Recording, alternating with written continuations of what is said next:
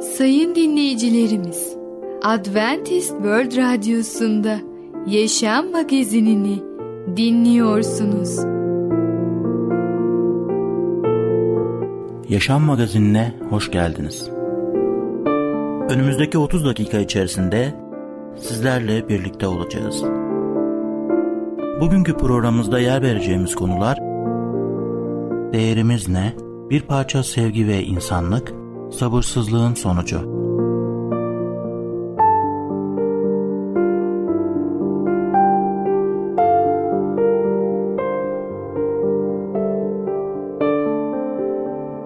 Adventist World Radyosu'nu dinliyorsunuz.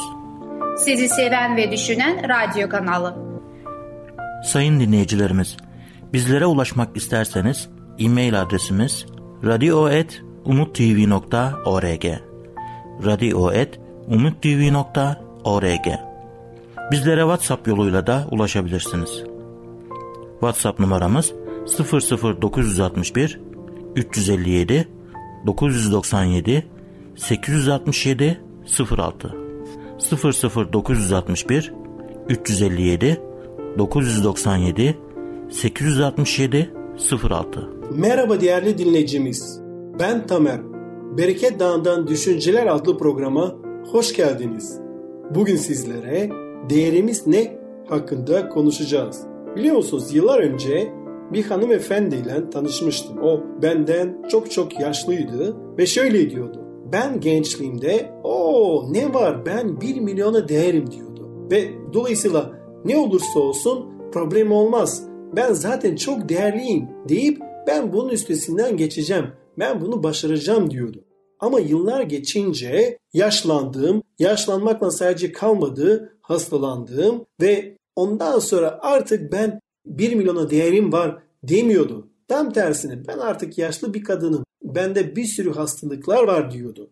Peki Allah bize nasıl bir gözle bakıyor? Tanrı'nın gözündeki değerimiz ne? İşte orada gerçek değerimizi keşfedelim. Evrendeki herhangi bir kişinin veya bir şeyin değerine ilişkin standardı insan değil, Tanrı belirler. Çünkü insanların gururlandıkları ne varsa Tanrı'ya iğrenç gelir diyor Luka 16-15. İsa şöyle demiştir. İnsan bütün dünyayı kazanıp da canından olursa bunun kendisine ne yararı olur?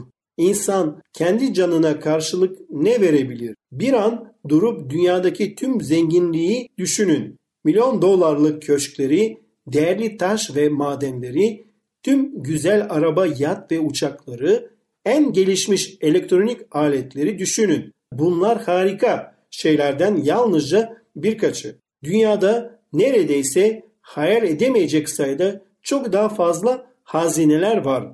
Buna karşın İsa canını tüm bu zenginlikle değiş tokuş edenin kötü bir alışveriş yapacağını söyler. Eğer Tanrı'nın bize verdiği gerçek değer dünyadaki tüm bu servetten ve tüm dünyanın kendisinden daha fazlaysa onun gözündeki değerimiz ne kadardır? Bize şöyle denmekte. Çünkü Tanrı dünyayı o kadar çok sevdi ki biricik oğlunu verdi. Yuhanna 3.16'da. Adem tarafından teslim edildikten sonra kötü prens Lucifer'in egemenliği altındaydı. Adem'in söz dinlemezliği ve günahı herkese bulaştığı ve üzerinde Lucifer'in efendi olarak egemenlik sürdüğü bir alan olan günaha tutsak olduk. Şeytan üzerimizde hak iddia ediyordu ve bizi bırakmaya da hiç niyeti yoktu. Gideceğimiz yer özgür olma umudunun olmadığı sonsuz bir karanlıktı özgür kılınabilmemizin yegane yolu geri satın alınmamızda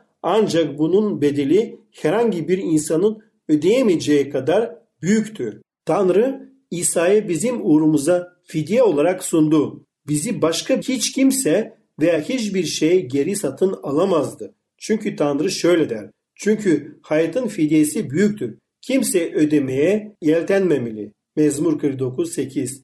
Tanrı canlarımıza öylesine büyük bir değer verir ki bizi İsa'nın kendisiyle satın alır. Pavlus, Tanrı sizi bir bedel karşılığa satın aldı diyor. 1. Korintiler 6.20'de. Yine Pavlus, babanın bizi tam bir bilgelik ve anlayışla üzerimize yağdırdığı lütfunun zenginliği sayesinde Mesih'in kanı aracılığıyla Mesih'te kurtuluşa kavuşturduğunu yazıyor Efesler 1.7'de. Baba Tanrı için bir evrende oğlu İsa'dan daha değerli başka hiç kimse veya hiçbir şey yoktur. Ancak Tanrı bu satın almayla en büyük hazinesiyle karşılaştırarak bize verdiği değeri ilan eder. İşte size olan üstü bir gerçek. Eğer Tanrı'nın gözündeki değerimiz İsa'ya verdiği değerden bir kuruş bile daha az olsaydı baba İsa'yı asla sunmayacaktı. Vay be baba için ne kadar değerli olduğunuzu anlıyor musunuz? İsa bunu şöyle onaylıyor. Bana verdiğin yüceliği onlara verdim. Öyle ki bizim bir olduğumuz gibi bir olsunlar. Ben onlarda sen bende olmak üzere tam bir birlik içinde bulunsunlar ki dünya beni senin gönderdiğini, beni sevdiğin gibi onları da sevdiğini anlasın. Yuhanna 17 22'den 24'e kadar bunları anlıyoruz. İsa açık ve net bir biçimde babanın İsa'yı sevdiği gibi bizi sevdiğini duyurur. Bunu duydunuz mu? Gerçek değerinizi anlayabiliyor musunuz? Tanrı'nın neden aramızdan geldiğini görüyor musunuz? Evet ama ben birçok kişiden yalnızca biriyim diyenler de var. Bazıları şöyle bir itirafta bulunuyor. Evet Tanrı genel olarak veya toplu olarak bütün insanlığı sevmiş olabilir ama onca insanın arasında ben kimim ki? Bana verilecek yanıt şudur. Eğer dünyada bir kişi bile olsaydınız Tanrı yine de sizi satın alacak ve sizin uğrunuza bu büyük bedeli fidye olarak sunacaktı. Bu çok açık bir biçimde İsa'nın hizmetinde görülmektedir. Bütün günü kalabalıklarla Tanrı'nın egemenliği hakkında öğreterek geçirdi. Bir düşünün. İsa çok yorucu bir günün sonunda doğru, sırf toplumun dışlayıp değersiz saydığı kötü ruha, tutsak bir tek adama hizmet etmek için fırtınayla mücadele etme pahasına bir tekneye binip gölün karşı yakasına geçiyor. Bununla da yetinmeyip aynı gece geç saatlerde karşı yakaya dönüyor. Tüm bunları da sadece bir tek adam için yapıyorlar. Bunu anladığımda eğer dünyada bir tek ben yaşamış olsaydım bile benimle paylaşılıkta bulunmak amacıyla benim ardımdan geleceğini ve beni kurtarmak için fidyemi ödeyeceğini tamamen fark ettim. İsa'nın doğduğu gece meleklerin en yücelerde Tanrı'ya yücelik olsun yeryüzünde onun hoşnut kaldığı insanlara esenik olsun diye ezgiler söylemesinin nedeni de buydu. Tanrı'nın aradığımızda gelmesi dünyanın gözü önünde sergileniyordu. İşte görüyoruz ki biz Yüce Allah için çok değerliyiz. O kadar çok değerliyiz ki o biricik oğlunu İsa Mesih'i bizim için gönderiyor. Ve bizim kurtulmamız için o kendi canını veriyor. Eğer sen de kurtulmak istiyorsan sen de Yüce Allah'a iman et, tövbeyle ona gel ve Efendimiz İsa Mesih'i bir rehber olarak kabul et. Ve onun yolunda yürüyen herkes biliyoruz ki sonsuz yaşama sahip olacak. Değerli dinleyicimiz, bugün değerimiz ne hakkında konuştuk. Bir sonraki programda tekrar görüşmek dileğiyle hoşçakalın. Adventist World Radyosu'nu dinliyorsunuz. Sizi seven ve düşünen radyo kanalı. Sayın dinleyicilerimiz, bizlere ulaşmak isterseniz e-mail adresimiz radio.umutv.org radio.umutv.org Bizlere WhatsApp yoluyla da ulaşabilirsiniz. WhatsApp numaramız 00961 357 997 867 06 00961 357 997 867 06 Merhaba ufaklık. Ben Fidan. Çocukların Dünyası adlı programımıza hoş geldin. Bugün seninle birlikte bir parça sevgi ve insanlık adlı öyküyü öğreneceğiz.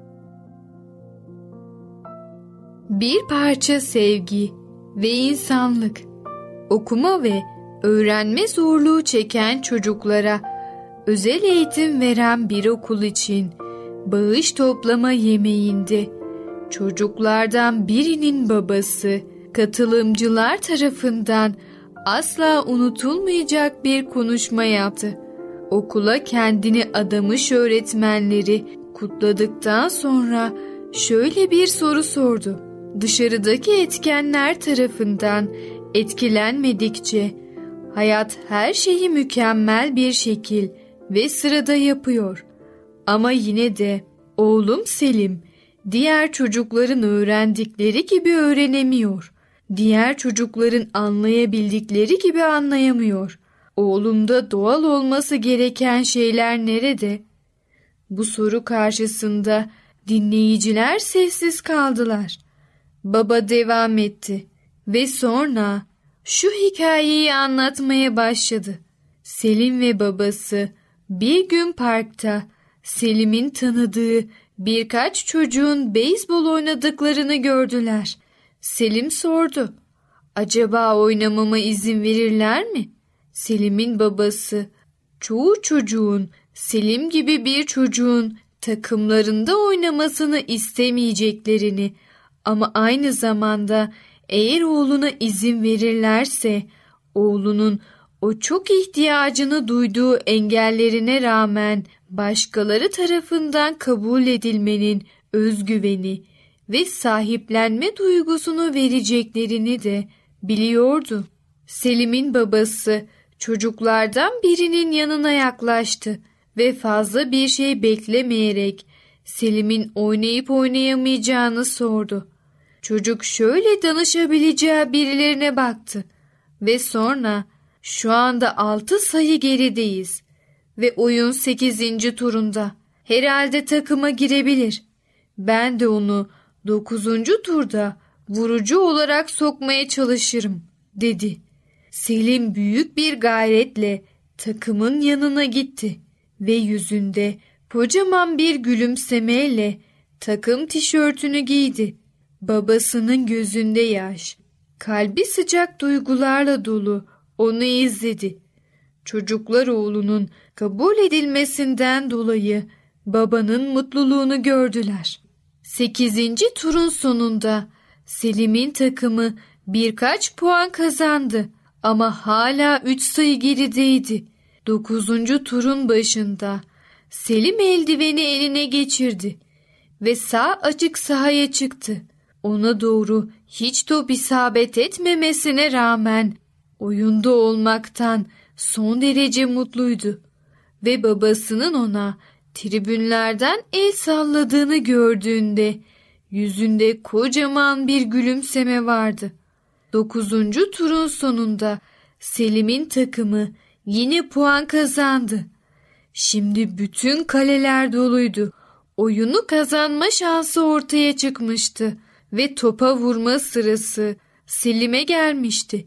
Bu noktada Selim'in vurucu olmasına izin vererek oyunu kaybetme riskini mi almalıydılar? Ancak şaşırtıcı bir hamleyle Selim'e sopayı verdiler. Herkes topa isabet ettirme şansının sıfır olduğunu biliyordu. Çünkü bırakın topa vurmayı, Selim sopayı bile elinde tutmasını bilmiyordu. Ama Selim sahaya çıktığında top atıcı diğer takımın kazanma şanslarını bir kenara bırakarak Selim'e bu fırsatı tanıdıklarını görünce birkaç adım öne giderek yumuşak bir şekilde topu Selim'e doğru fırlattı. İlk topa Selim zorlukla sopayı savurdu ama ıskaladı. Atıcı tekrar birkaç adım öne doğru geldi ve topu yine yumuşak bir şekilde Selim'e doğru attı. Selim sopayı savurdu ve hafifçe topa dokunarak atıcıya doğru vurdu.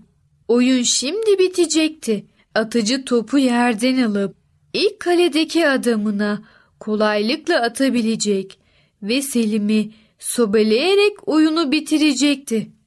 Ama atıcı topu aldı ve ilk kaledeki adamın başının üzerinden diğer takım arkadaşlarının erişemeyeceği yere fırlattı. Tribünlerdeki herkes ve iki takım da bağırmaya başladılar. Selim ilk kaleye koş, ilk kaleye koş. Selim hayatında hiç bu kadar uzağa koşmamıştı ama ilk kaleye gidebildi. Şaşkınlıktan büyümüş gözleriyle yere çöktü. Herkes bağırmaya devam etti. İkinci kaleye koş, ikinci kaleye koş. Nefes nefese Selim zorlukla ikinci kaleye koşabildi. Selim ikinci kaleye geldiği sırada açık sahada diğer takımdan biri topu almıştı. Topu ikinci kaledeki adamını atabilirdi ama top atıcısının niyetini anladığından o da kısıtlı olarak topu üçüncü kaledeki arkadaşının başının üzerinden attı. Herkes bağırıyordu. Selim, Selim, bütün yolu koş. Ve oyunu takımı için kazanan bir kahraman olarak herkes tarafından alkışlandı.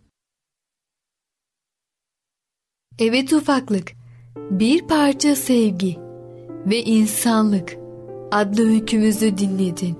Bu öyküde Selim adlı zor durumda olan çocuğa yardım eden insanların Selim'i ne kadar mutlu ettiğini ve onun hayatında ne kadar önemli olduğunu öğrenmiş oldun. Lütfen sen de zorluk çeken insanlara yardım et. Bir sonraki programımızda tekrar görüşene kadar kendine çok iyi bak ve çocukça kal. Adventist World Radyosu'nu dinliyorsunuz. Sizi seven ve düşünen radyo kanalı.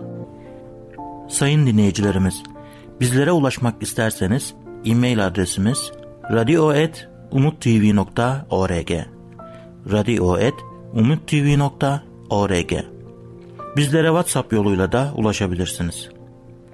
WhatsApp numaramız 00961 357 997 867 06 00961 357 997 867 06 Sevgili dinleyici merhabalar. Kaderi Değiştiren adlı programa hoş geldiniz. Ben sunucu Ketrin. Bugün sizlere konu hakkında aktarmaya devam edeceğim. Sabırsızlığın sonucu. Hatırlarsanız Yaratılış kitabından 16. bölümden bir öykü okuduk. Kimin öyküsü? Tabii ki Avraam'ın öyküsü. Avraam Allah'ın sevgili kuluydu ve onun çocuğu olmuyordu. Ve bu konuda tabii ki Saray eşine gelerek ondan bir çocuk olmadığını söyledi ve farklı bir yöntemle bu olayı çözmeye karar verdi. Kendi caresi Hacer'i ona vereceğini ve ondan sonra da o hamile kalacağını bu şekilde onların problemi çözüleceğini diye düşündü. Tabii ki biz bunu görüyoruz ki böyle olmadı. Allah Adem ile Hava'yı yarattığında bir erkeğe bir kadın yarattı. Onların birliğini kutsadı ve onlara verimli olup çoğalmalarını söyledi. Ancak Adem ile Hava'nın itaatsizliği aracılığıyla dünyaya günah girdikten sonra birden fazla kadınla evlenmek ve yatmak yaygın bir uygulama haline geldi. Ancak bu davranışın doğrudan günahla bağlantılı olduğunu ve günahın bir sonucu olduğunu vurgulanmalıdır. Bunu Allah buyurmadı. Yani bir şeyin yaygın olması onun iyi olduğunu anlamına gelmez. İstanbul'da kış aylarında grip yaygındır. Fakat iyi değildir. Ayrıca günlük gazetelerde dekolte giyimli kadınların fotoğrafları da yaygındır. Ancak bunun da iyi olduğunu anlamlarına gelmez. Evet, Allah bize bir adama bir eş şeklinde planını gösteriyor. O bize evlilik ilişkisinin kutsallığını gösteriyor. Bu bilgice düzen bozulduğu zaman neler olduğunu da kutsal yazılarda okuyoruz. Ortaya Allah'ın planladığı kesinlikle olmayan şeyler acılık ve kıskançlık çıkıyor. Şimdi hanımdan kaçan Hacer'e dönelim. Bunu 7. 16. ayetlerinde okuyabiliriz. Oradan başlıyorum. Rabbin meleği Hacer'i çölde bir pınarın Şur yolundaki pınarın başında buldu. Ona sarayın carisi Hacer nereden gelip nereye gidiyorsun diye sordu. Hacer hanımım saraydan kaçıyorum diye yanıtladı. Rabbinin meleği hanımına dön ve ona boyun eğ dedi. Senin soyunu öyle çoğaltacağım ki kimse sayamayacak. İşte hamileysin. Bir oğlun olacak. Adını İsmail koyacaksın. Çünkü Rab sıkıntı içindeki yakarışını işitti. Oğlun yaban eşeğine benzer bir adam olacak. O herkese, herkes de ona karşı çıkacak. Kardeşlerin hepsiyle çekişme içinde yaşayacak. Hacer, beni gören Tanrı'yı gerçekten gördün mü? diyerek kendisiyle konuşan Rabbi Elroy adını verdi. Bu yüzden Kadeş ile Beret arasındaki o kuyuya Ber Lahayroy adı verildi. Hacer Avram'a bir erkek çocuk doğurdu. Avram çocuğun adını İsmail koydu. Hacer İsmail'i doğurduğunda Avram 86 yaşındaydı. Burada çok özel bir şey görüyoruz. Avram ve Saray'ın Hacer'i kuma olarak getirerek evlilik çözülmesini çiğnemelerine rağmen Allah hepsine merhamet gösteriyor. Hacer'in suçu değildi. Cariye olarak o kendisine emredileni yapıyordu. Ancak Hacer sarayı küçük gördüğünde yani ona tepeden baktığında haksızdı.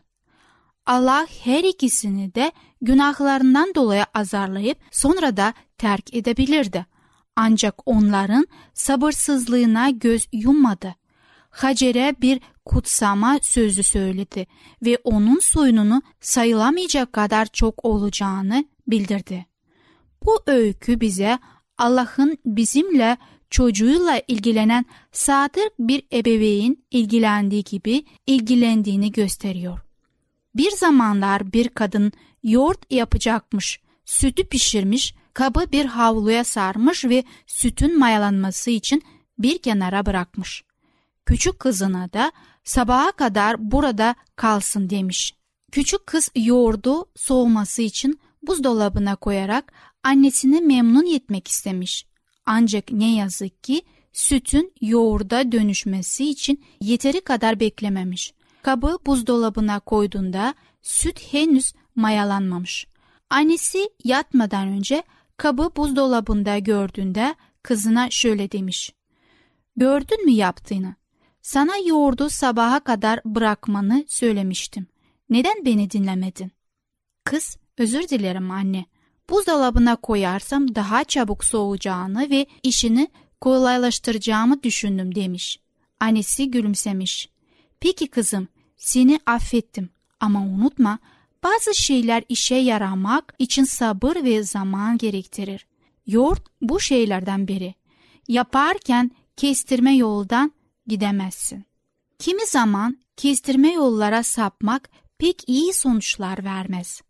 Allah'ın vaatleri söz konusu olduğunda ise kestirme yollara sapmak her zaman işleri yalnızca onun yoluna koyabileceği şekilde karıştırır. Avram ve Saray sabırsızlandılar ve Allah'ın vaadini kendi yöntemiyle ve kendi belirlediği zamanda yerine getirilmesini beklemediler. Bu sabırsızlığın bir hata olduğu ortaya çıktı ve aileye büyük bir gerginlik ile mutsuzluk getirdi. Ancak Allah yine de kullarına yaptıkları hatalardan ötürü terk etmedi. Bu hepimiz için ümit verici değil mi? Evet, biz de hayatta hatalar yaparız. Biz de sabırsızlanırız ve Allah'ın vaatlerini kendi tasarladığı şekilde yerine getirmesini bekleyemeyiz. Çoğunlukla da bunun sonucunda sıkıntı çekeriz. Fakat aynı zamanda ebeveynlerin çocuklarına merhametle davrandıklarını da biliriz. Aynı şekilde de Allah da bize hata yaptığımızda içtenlikle davranır.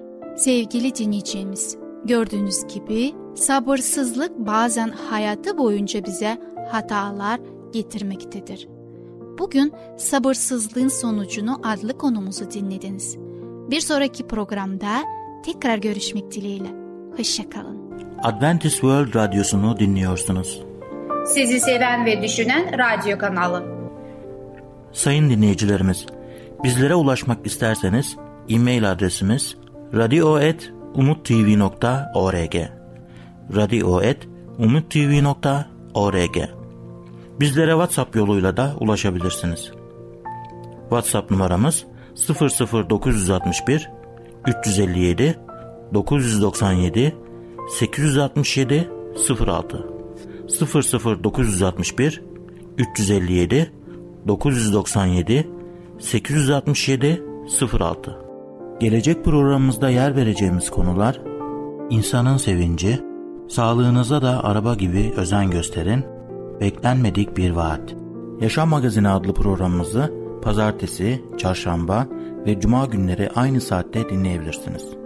Bir programımızın daha sonuna geldik. Bir dahaki programda görüşmek üzere, hoşçakalın.